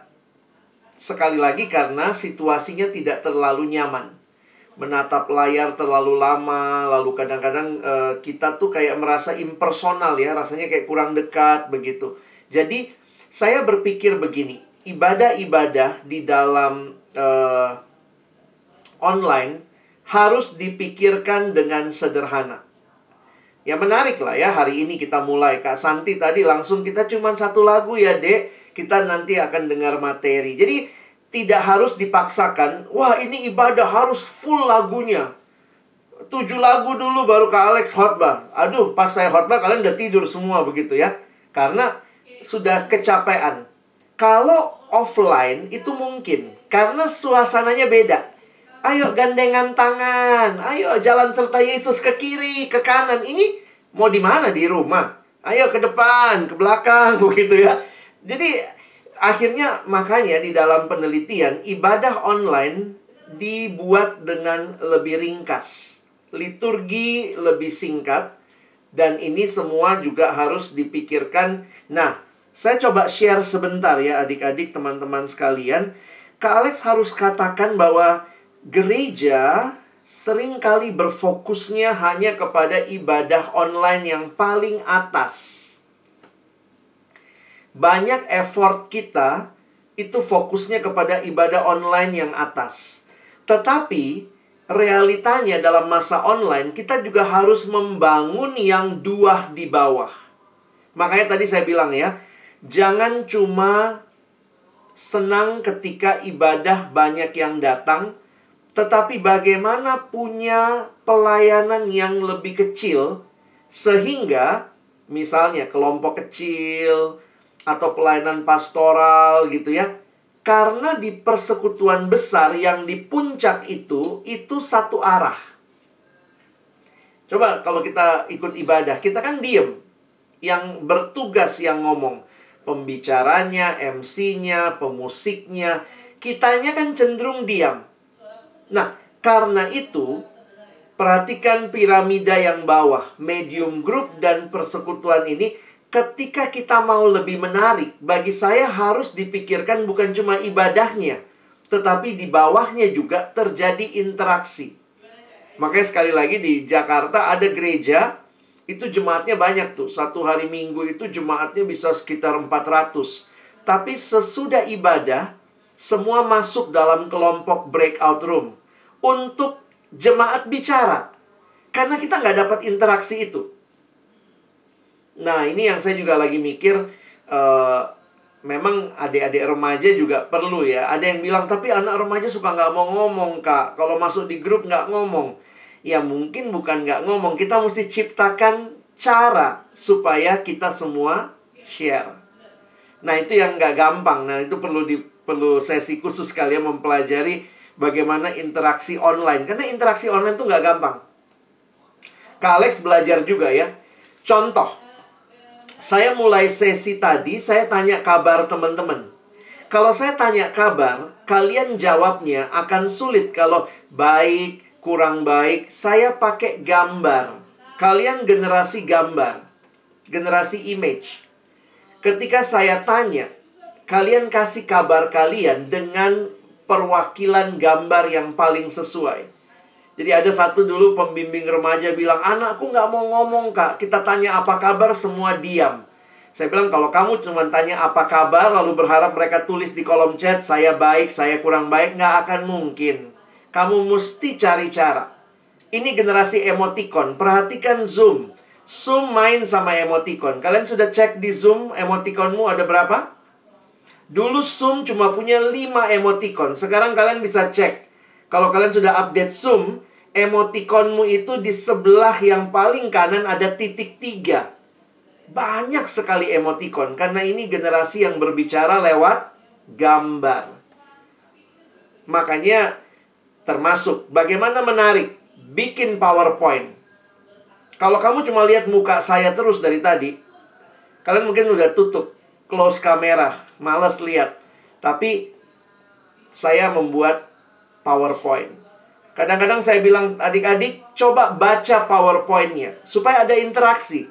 Kalian saya nggak dengar suara kalian, tapi kalian harus merasa kalian sedang dilibatkan. Nah ini semua masalah metode mengajar yang kita butuh, ya kita butuh belajar. Saya juga belajar sih ya. Mungkin itu dulu kak. Oke, terima kasih Kak Alex. Ya, saya juga uh, karena guru ya kak. Jadi belajar bagaimana ya, metode supaya um, menarik gitu. Memang manusia pada dasarnya hampir sebagian besar itu tertarik dengan mata kak. Maksudnya lebih cepat menarik uh, memperhatikan sesuatu itu dengan mata uh, bukan dengan uh, telinga. Sehingga ketika menarik gambar warna itu Betul. bisa langsung cepat mengalihkan perhatian kita untuk menyaksikan itu. Ya kita lihat aja kayak orang-orang kalau menawarkan apa ya uh, apa produk-produk itu kan mereka main dengan uh, segala model Uh, PowerPoint yang luar biasa, pakai animasi dan lain sebagainya sehingga dia menarik gitu ya. Jadi itu yang membuat kita tertarik. Jadi buat adik-adik juga kalau uh, ya ibadah yang efektif itu memang harus uh, dimulai dari uh, orang yang mengajar, kemudian uh, sehingga itu bisa lebih menarik untuk uh, pesertanya untuk mengikuti. Tadi uh, gambar piramida yang kakak berikan itu uh, bisa juga saya uh, artikan begini kak bahwa hmm. dasar terbesar dari ibadah raya itu sebenarnya dari dua poin tadi itu kak ya betul, dua hal betul. besar itu ya. Jadi uh, ibadah raya itu hanya merupakan puncaknya, puncaknya. saja gitu. Nah, ya. Tapi untuk mencapai puncaknya itu sangat ditentukan dari dua pilar di bawahnya. Ya. Betul. Jadi Nah, kalau itu sudah baik, uh, ibadah raya pun akan uh, menjadi hal yang uh, apa? Yang uh, Mungkin yang saya garis bawahi begini Kak Santi ya. Gereja, ya. gereja kita atau ya gereja-gereja yang di masa online itu fokusnya sama yang atas. Ya, betul. Tapi bawahnya kurang. Nah, saya melihat di beberapa gereja, termasuk gereja saya, dulu itu cuma ada ibadah minggu. Karena kan effort untuk bikin ibadah minggu tuh mesti rekaman ke gereja. Jadi bayangkan itu semua effort kita untuk puncaknya. Tapi kemudian, nah ini uniknya ya, sesudah tayang di YouTube, terus kita mulai bertanya, banyak nggak yang nonton? Pada nonton nggak ya? Akhirnya kan mau nggak mau kita mesti cek pribadi kita butuh kelompok lebih kecil untuk memastikan jemaat tetap bertumbuh mau nggak mau. Jadi akhirnya bersyukur mulai ada kebaktian rumah tangga online. Dulu waktu itu cuma ada satu aja yang paling atasnya. Nah, ini yang saya juga bilang buat anak-anak ibadah yang menarik versi anak remaja adalah ibadah yang mereka terlibat, bukan cuma datang, nonton layar, selesai kita mesti pikirin yang namanya itu namanya engagement ya. Gimana supaya mereka terlibat, mereka sharing. Nah, itu kita perlu pikirkan. Oke. Nah, itu berarti kalau adik-adik uh, ikuti apa yang disampaikan oleh Kak Alex ini, pastinya akan ada pertanyaan itu lagi ya. salah satu sebenarnya bagian untuk kita dapat fokus itu memperhatikan apa yang disampaikan oleh si pembicara gitu ya. Karena dengan demikian itu akan mengalihkan kita juga pada fokus-fokus yang lain kalau kita memang mendengarkan apa yang disampaikan gitu ya. Nah, mungkin masih ada yang mau disampaikan? Silahkan. Bevio nah siapa tahu Bevio ada Nadine mungkin siapa ya silakan Galang Kak Galang Galang silakan oh, Galang. Galang ya Ade Galang ya ini saudara dengan Cherry tadi Alex ya, ya silakan deh Galang uh, jadi itu kadang kan kalau misalnya lagi zoom belajar atau ibadah itu kan kadang tuh kalau misalnya jelaskan itu lama itu mulai bosan baru tuh kadang mulai ngantuk gitu loh. Kalau saya ngantuk tuh kadang saya ke YouTube gitu nonton video kadang nonton video lucu gitu biar nggak ngantuk. Tapi kalau lama-lama agak nonton lagi tuh jadi apa jadi rasa ngantuknya tuh datang lagi gitu loh kak hmm. tapi kalau nonton lama-lama tuh jadi nggak fokus ke apa yang dijelaskan gitu loh hmm. karena kak ada komunikasinya gitu Oke. Okay. Oke, okay, Galang. Kira-kira Galang nih kalau dengerin kakak Alex tadi nih, ngantuk nggak? Langsung buka YouTube nggak tadi itu? Nah, kak, soalnya kan apa kayak uh, itu jelaskan kayak apa ya uh, pembicaranya kayak asik gitu Eh, kakek menarik ya. Iya, menarik. Nah, slide-nya juga menarik ya. Iya. Iya luar biasa. Berarti luar biasa Alex ini. Terima kasih. Iya. saya juga berjuang ya. iya, Dek. Saya harus katakan gini ya. Uh, semua akses yang terjadi di dalam ibadah, di dalam belajar itu ya saya nggak mau bilang itu itu wajar ya, tapi itu sesuatu yang mungkin terjadi lah. Masih ingat murid Yesus? Eh ter tertidur ya, Tuhan bilang tunggu ya, berjaga-jaga, eh tidur juga mereka. Jadi saya sadar betul bahwa kita punya kelemahan. Makanya Yesus sampai ngomong, roh memang penurut tetapi daging lemah. Nah, karena itu, belajar untuk mengalahkan keinginan daging. Nah, itu sekali lagi Galang harus belajar dari apa yang menjadi pola kebiasaanmu. Daging ini, daging dalam arti tubuh jasmani kita, itu punya yang namanya mekanisme Contohnya begini. Kalau malam kita nonton sampai subuh, paginya ibadah, itu yang ngantuk.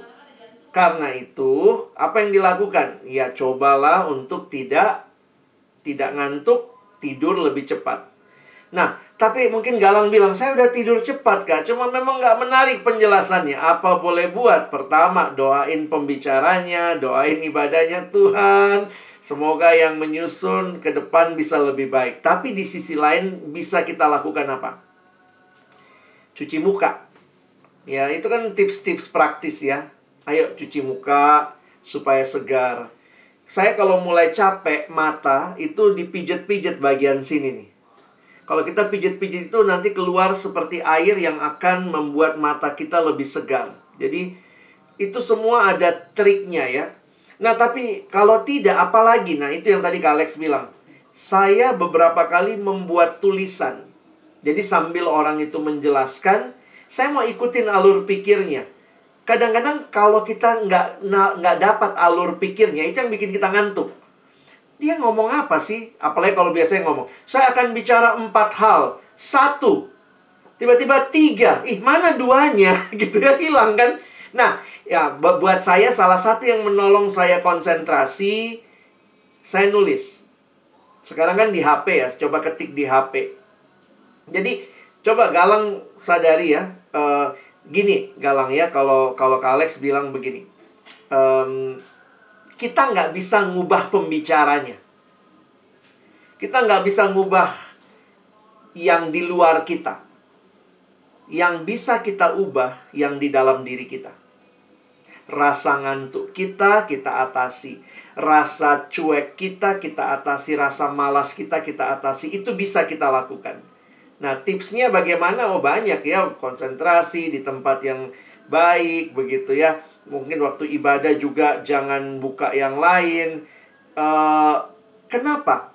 Karena waktu kita beribadah mendengar firman, meskipun pembicaranya slow, nggak menarik, tapi saya tetap meyakini kalau yang dia bahas firman, itu pasti ada gunanya dan berkatnya buat kamu.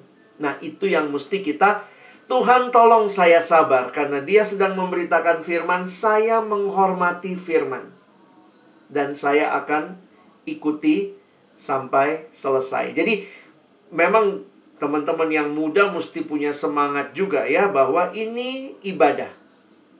Sikap hormat. Belajar dengar sampai akhir.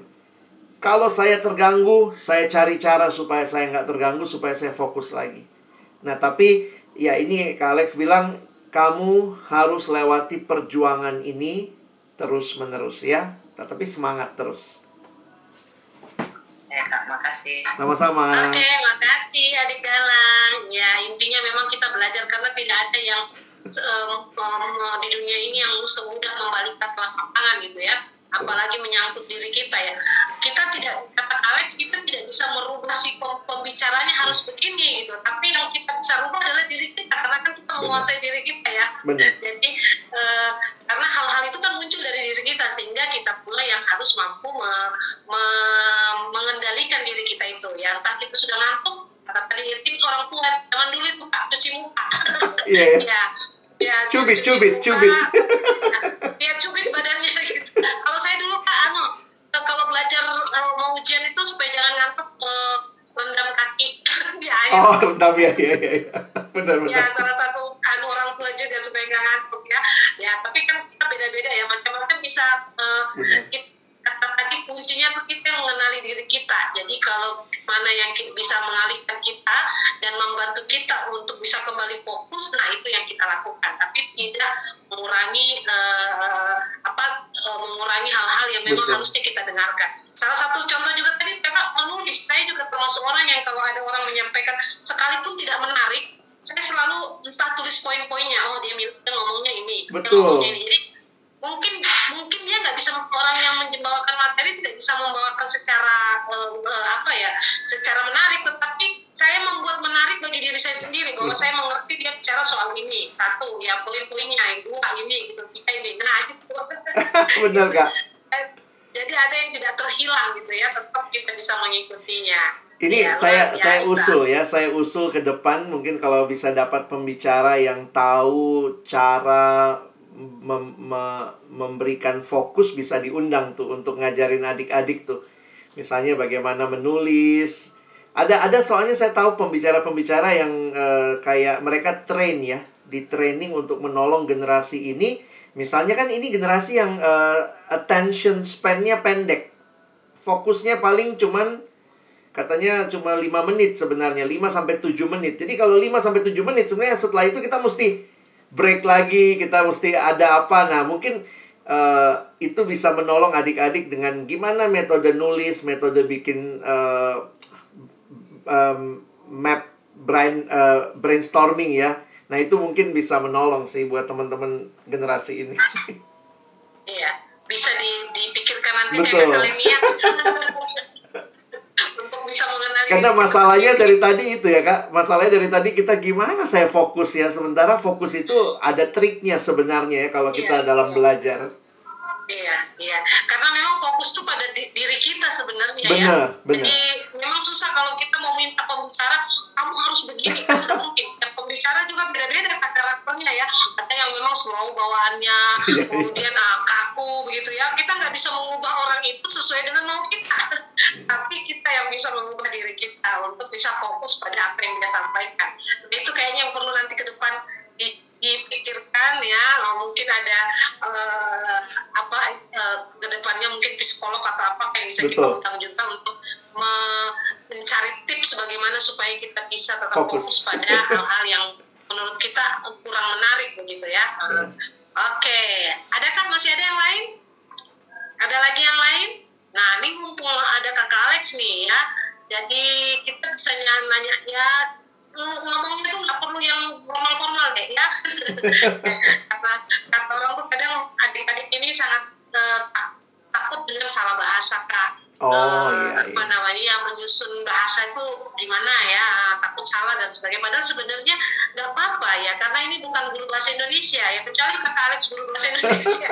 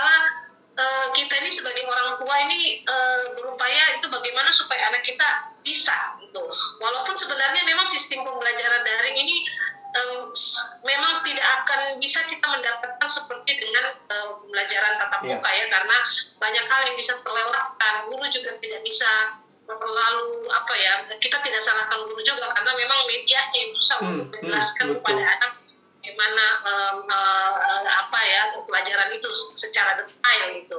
Hmm. Nah,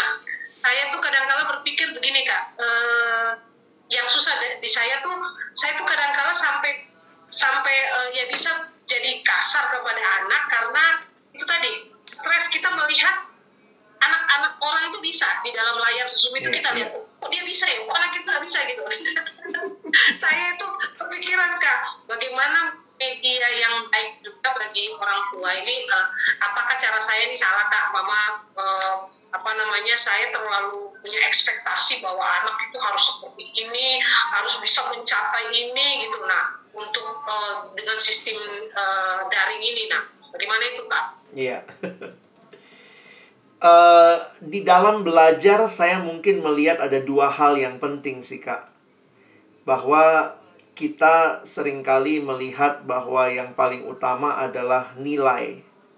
Jadi kan kita mau ya, nilainya bagus dong, karena memang nilai itu menentukan.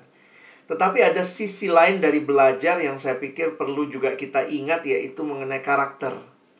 Karakter itu berbicara sesuatu yang lebih mendasar. Jadi saya pernah diundang kak, saya pernah diundang ke satu sekolah untuk membawakan tentang tentang ini ya, tentang uh, ini pertemuan orang tua. Jadi anaknya nggak ikut. Jadi pertemuan orang tua di awal semester biasa lah ya ada kebaktian karena ini sekolah Kristen lalu ada sesi dan saya dikasih seminar dengan judul nilai atau karakter. Nah jadi uh, dia poinnya score karena dalam bahasa Inggris score atau karakter. Nah, kemudian waktu saya persiapan dan saya sampaikan, saya bilang kita nggak bisa memilih karena kita butuh dua-duanya. Jadi saya bilang tema kita seharusnya bukan score or karakter, tetapi score and karakter. Nilai dan karakter. Jadi kadang-kadang saya bilang orang tua tanpa sadar ya, tanpa sadar dan memang karena tuntutan zamannya harus nilai bagus, kita hanya memforce anak untuk mendapatkan nilai. Termasuk waktu kita bandingkan sama anak orang lain, sebenarnya kadang-kadang yang kita bandingkan, masa dia bisa, kamu nggak bisa. Dalam hal apa nih? Skornya biasanya. Dia ulangannya bagus kok. Masa kamu yang sama gurunya, zoomnya juga sama, kok bisa beda? Nah, itu realita. Kita nggak bisa, anak kita bukan anak orang itu, kecuali kita mau angkat dia jadi anak kita ya. Nah, tapi ada hal yang kedua yang saya pikir kita harus juga coba lihat dan bangun dalam anak kita yaitu karakter. Tentu ya, balik lagi Kak Santi atau Bapak Ibu yang dengar ini juga yang paling tahu anak kita sendiri. Mungkin yang perlu kita puji juga, ya saya bilang perlu kita puji juga perjuangan anak kita itu karakternya. Aduh, um, jadi walaupun kita ya namanya orang tua kan bisa ngomong apa adanya Aduh, nilaimu mengecewakan mama ini ya. Masa kau nggak bisa? Tapi mama memuji perjuanganmu. Mama nggak tahu anak itu. Mungkin memang dia pintar bawaannya, tapi kamu berjuang. Kamu pagi-pagi mungkin masih berjuang membaca Alkitab misalnya. Kamu tetap... Jadi ada sisi karakter yang saya pikir kalau orang tua cuma sibuk lihat skornya, kadang-kadang juga kemampuan anak kita beda sama anak orang. Tetapi ada karakter-karakter yang harus juga dibangun. Nah, tapi di sisi lain, jangan cuma puji karakternya, nggak apa-apa nilaimu jelek, nah, yang penting kamu anak Tuhan, kamu apa. Nggak begitu juga, kita harus mendorong dia untuk melihat nilai sebagai bagian mengevaluasi pencapaian dia. Jadi, karena itu, dua hal ini kalau bisa kita lakukan, saya pikir pembanding-bandingan itu jadi akhirnya bisa lebih menipis lah. Ya, tentu kita nggak membandingkan supaya anak kita jadi seperti orang lain ya. Tetapi sebagai anak dia menemukan dirinya yang ternyata nilainya mungkin tidak sebagus orang lain. Tapi orang yang kenal dia melihat perubahan karakternya. Mungkin sebagai orang tua bisa bilang gitu ya, kalau memang terlihat perubahannya. Dulu Mama nggak yakin kamu bertahan, tapi ternyata hebat ya anak mama ini setelah sekian lama kamu masih bisa sekolah dengan baik. Saya jujur waktu tadi saya memuji karakter. Saya tahu banyak yang bosen, tapi saya mau bilang begini, kalian ini saya harus ancung jempol. Saya nggak pernah ngalamin yang kayak gini. Saya nggak pernah belajar kayak gini. Kalian masih guru Besok Zoom ya jam 7 pagi kalian masih datang. Wah, saya acung jempol. Kalau saya mungkin males aja datang ngapain gitu ya. Karakter kalian yang saya lihat makanya saya bilang kalau generasi ini lewat, karakter kalian hebat. Akan luar biasa. Nah, mungkin itu sisi yang lain, Kak ya. Jadi eh, tetap bangun karakternya, bangun juga kerinduannya untuk mencapai skor yang terbaik menurut kemampuan dia ada pertanyaan yang bisa kita bedakan ya. Jadi saya bilang sama orang tua waktu itu, Bapak Ibu, kalau anak Bapak Ibu pulang, lalu Bapak Ibu tanya, berapa tadi nilai matematikanya? Karena kadang-kadang orang tua itu, berapa nilai matematikanya? Sembilan, Mak. Ah, Bapak Ibu cuma bertanya tentang skor, nilai. Tetapi orang tua juga sebaiknya bertanya lebih dari skor. Apa yang ditanya? Tadi nilai matematika kamu berapa? Sembilan. Kamu jujur nggak waktu mengerjakan? Itu bertanya soal karakter. Jadi sebaiknya dua hal itu. Kita perlu bergerak lebih jauh dari skor, tetapi kita tidak hanya memuji karakter lalu mengabaikan skor. Kita butuh dua-duanya. Semoga adik-adik yang dengar ini juga ngerti ya. Kadang-kadang bapak mama mungkin hanya lihat nilaimu, tapi nggak lihat perjuanganmu. Nah itu yang saya harap kalau ada orang tua yang dengar siaran ini, kalau didengar lagi ya, biarlah benar-benar dapat dua-duanya. Begitu. Iya, terima kasih Kak Alex. Jadi Sama-sama. ya memang Kak, saya uh, jujur juga ya sebagai orang tua tuh kadang kita lebih mengejar skor karena nilai itu kayaknya patokan utama untuk uh, keberhasilan anak. Kita Takut nggak naik ya. Iya betul Kak. Pernah terlihat Kak. Iya yang lihat di depan mata itu ya. Terlihat padahal padahal yang bangun negeri ini bukan nilai tapi karakter ya sebenarnya. Negeri ini boleh maju tuh bukan hanya bukan karena nilai yang sempurna Benar. tapi karakter yang bagus ya. Walaupun dua-duanya itu penting ya. Terima kasih kalian untuk penjelasannya hari ini.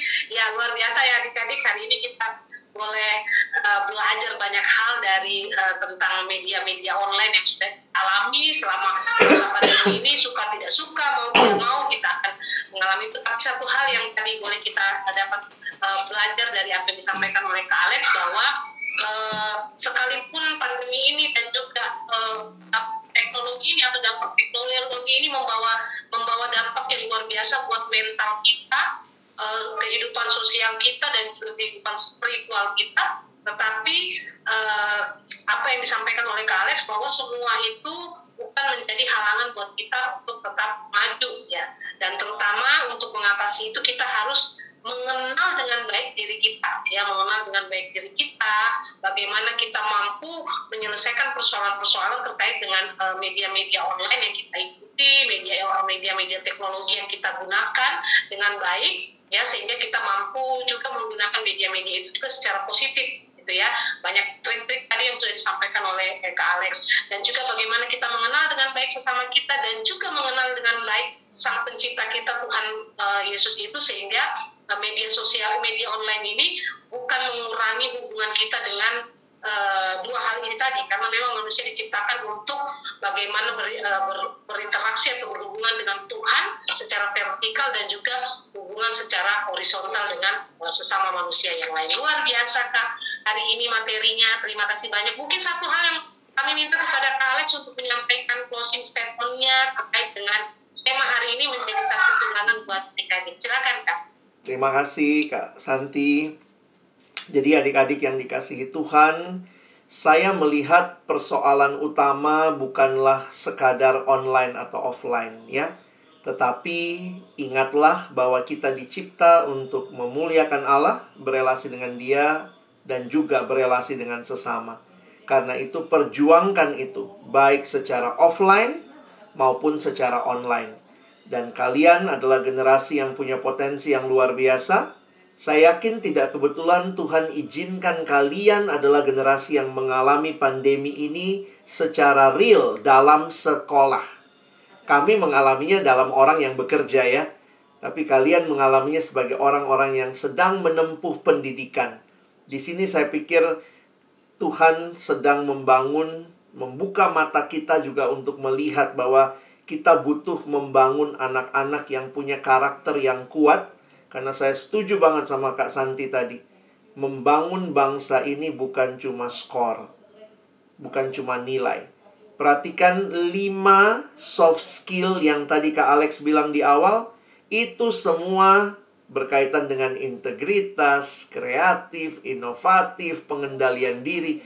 Saya berharap melalui pandemi ini, kalian juga dibentuk Tuhan dalam karakter-karakter ini yang siap menjawab tantangan zaman ke depan. Terima kasih Kak Santi. Terima kasih Kak Alex, luar biasa. Semoga ke depannya kita boleh sering bertemu ya Kak. Ya, ya, ya sharing ini luar biasa ya. Sama-sama. Bisa dilanjutkan untuk pertemuan selanjutnya dan mungkin siapa tahu ke depannya PPGT kami anak-anak muda bisa gunakan oh, Alex juga iya. ya. Thank you. uh, bantu mereka melewati masa-masa uh, media sos sosial ini dengan luar biasa. Ya, terima kasih Kak. Dan baik adik-adik, sekalipun uh, seperti kata Kak Alex kita masih dalam uh, apa masa pandemi dan akan terus uh, menggunakan media online ini untuk kehidupan kita, tapi satu hal yang pasti kita harus selalu uh, menyatakan dalam hidup kita bahwa apa pun yang kita lakukan kita sangat uh, mencintai Tuhan Yesus itu sebagai uh, satu-satunya penolong hidup kita dan teladan kita dalam kehidupan kita. Dan kita bersama-sama akan melanjutkan uh, ini dan kita akan menyanyikan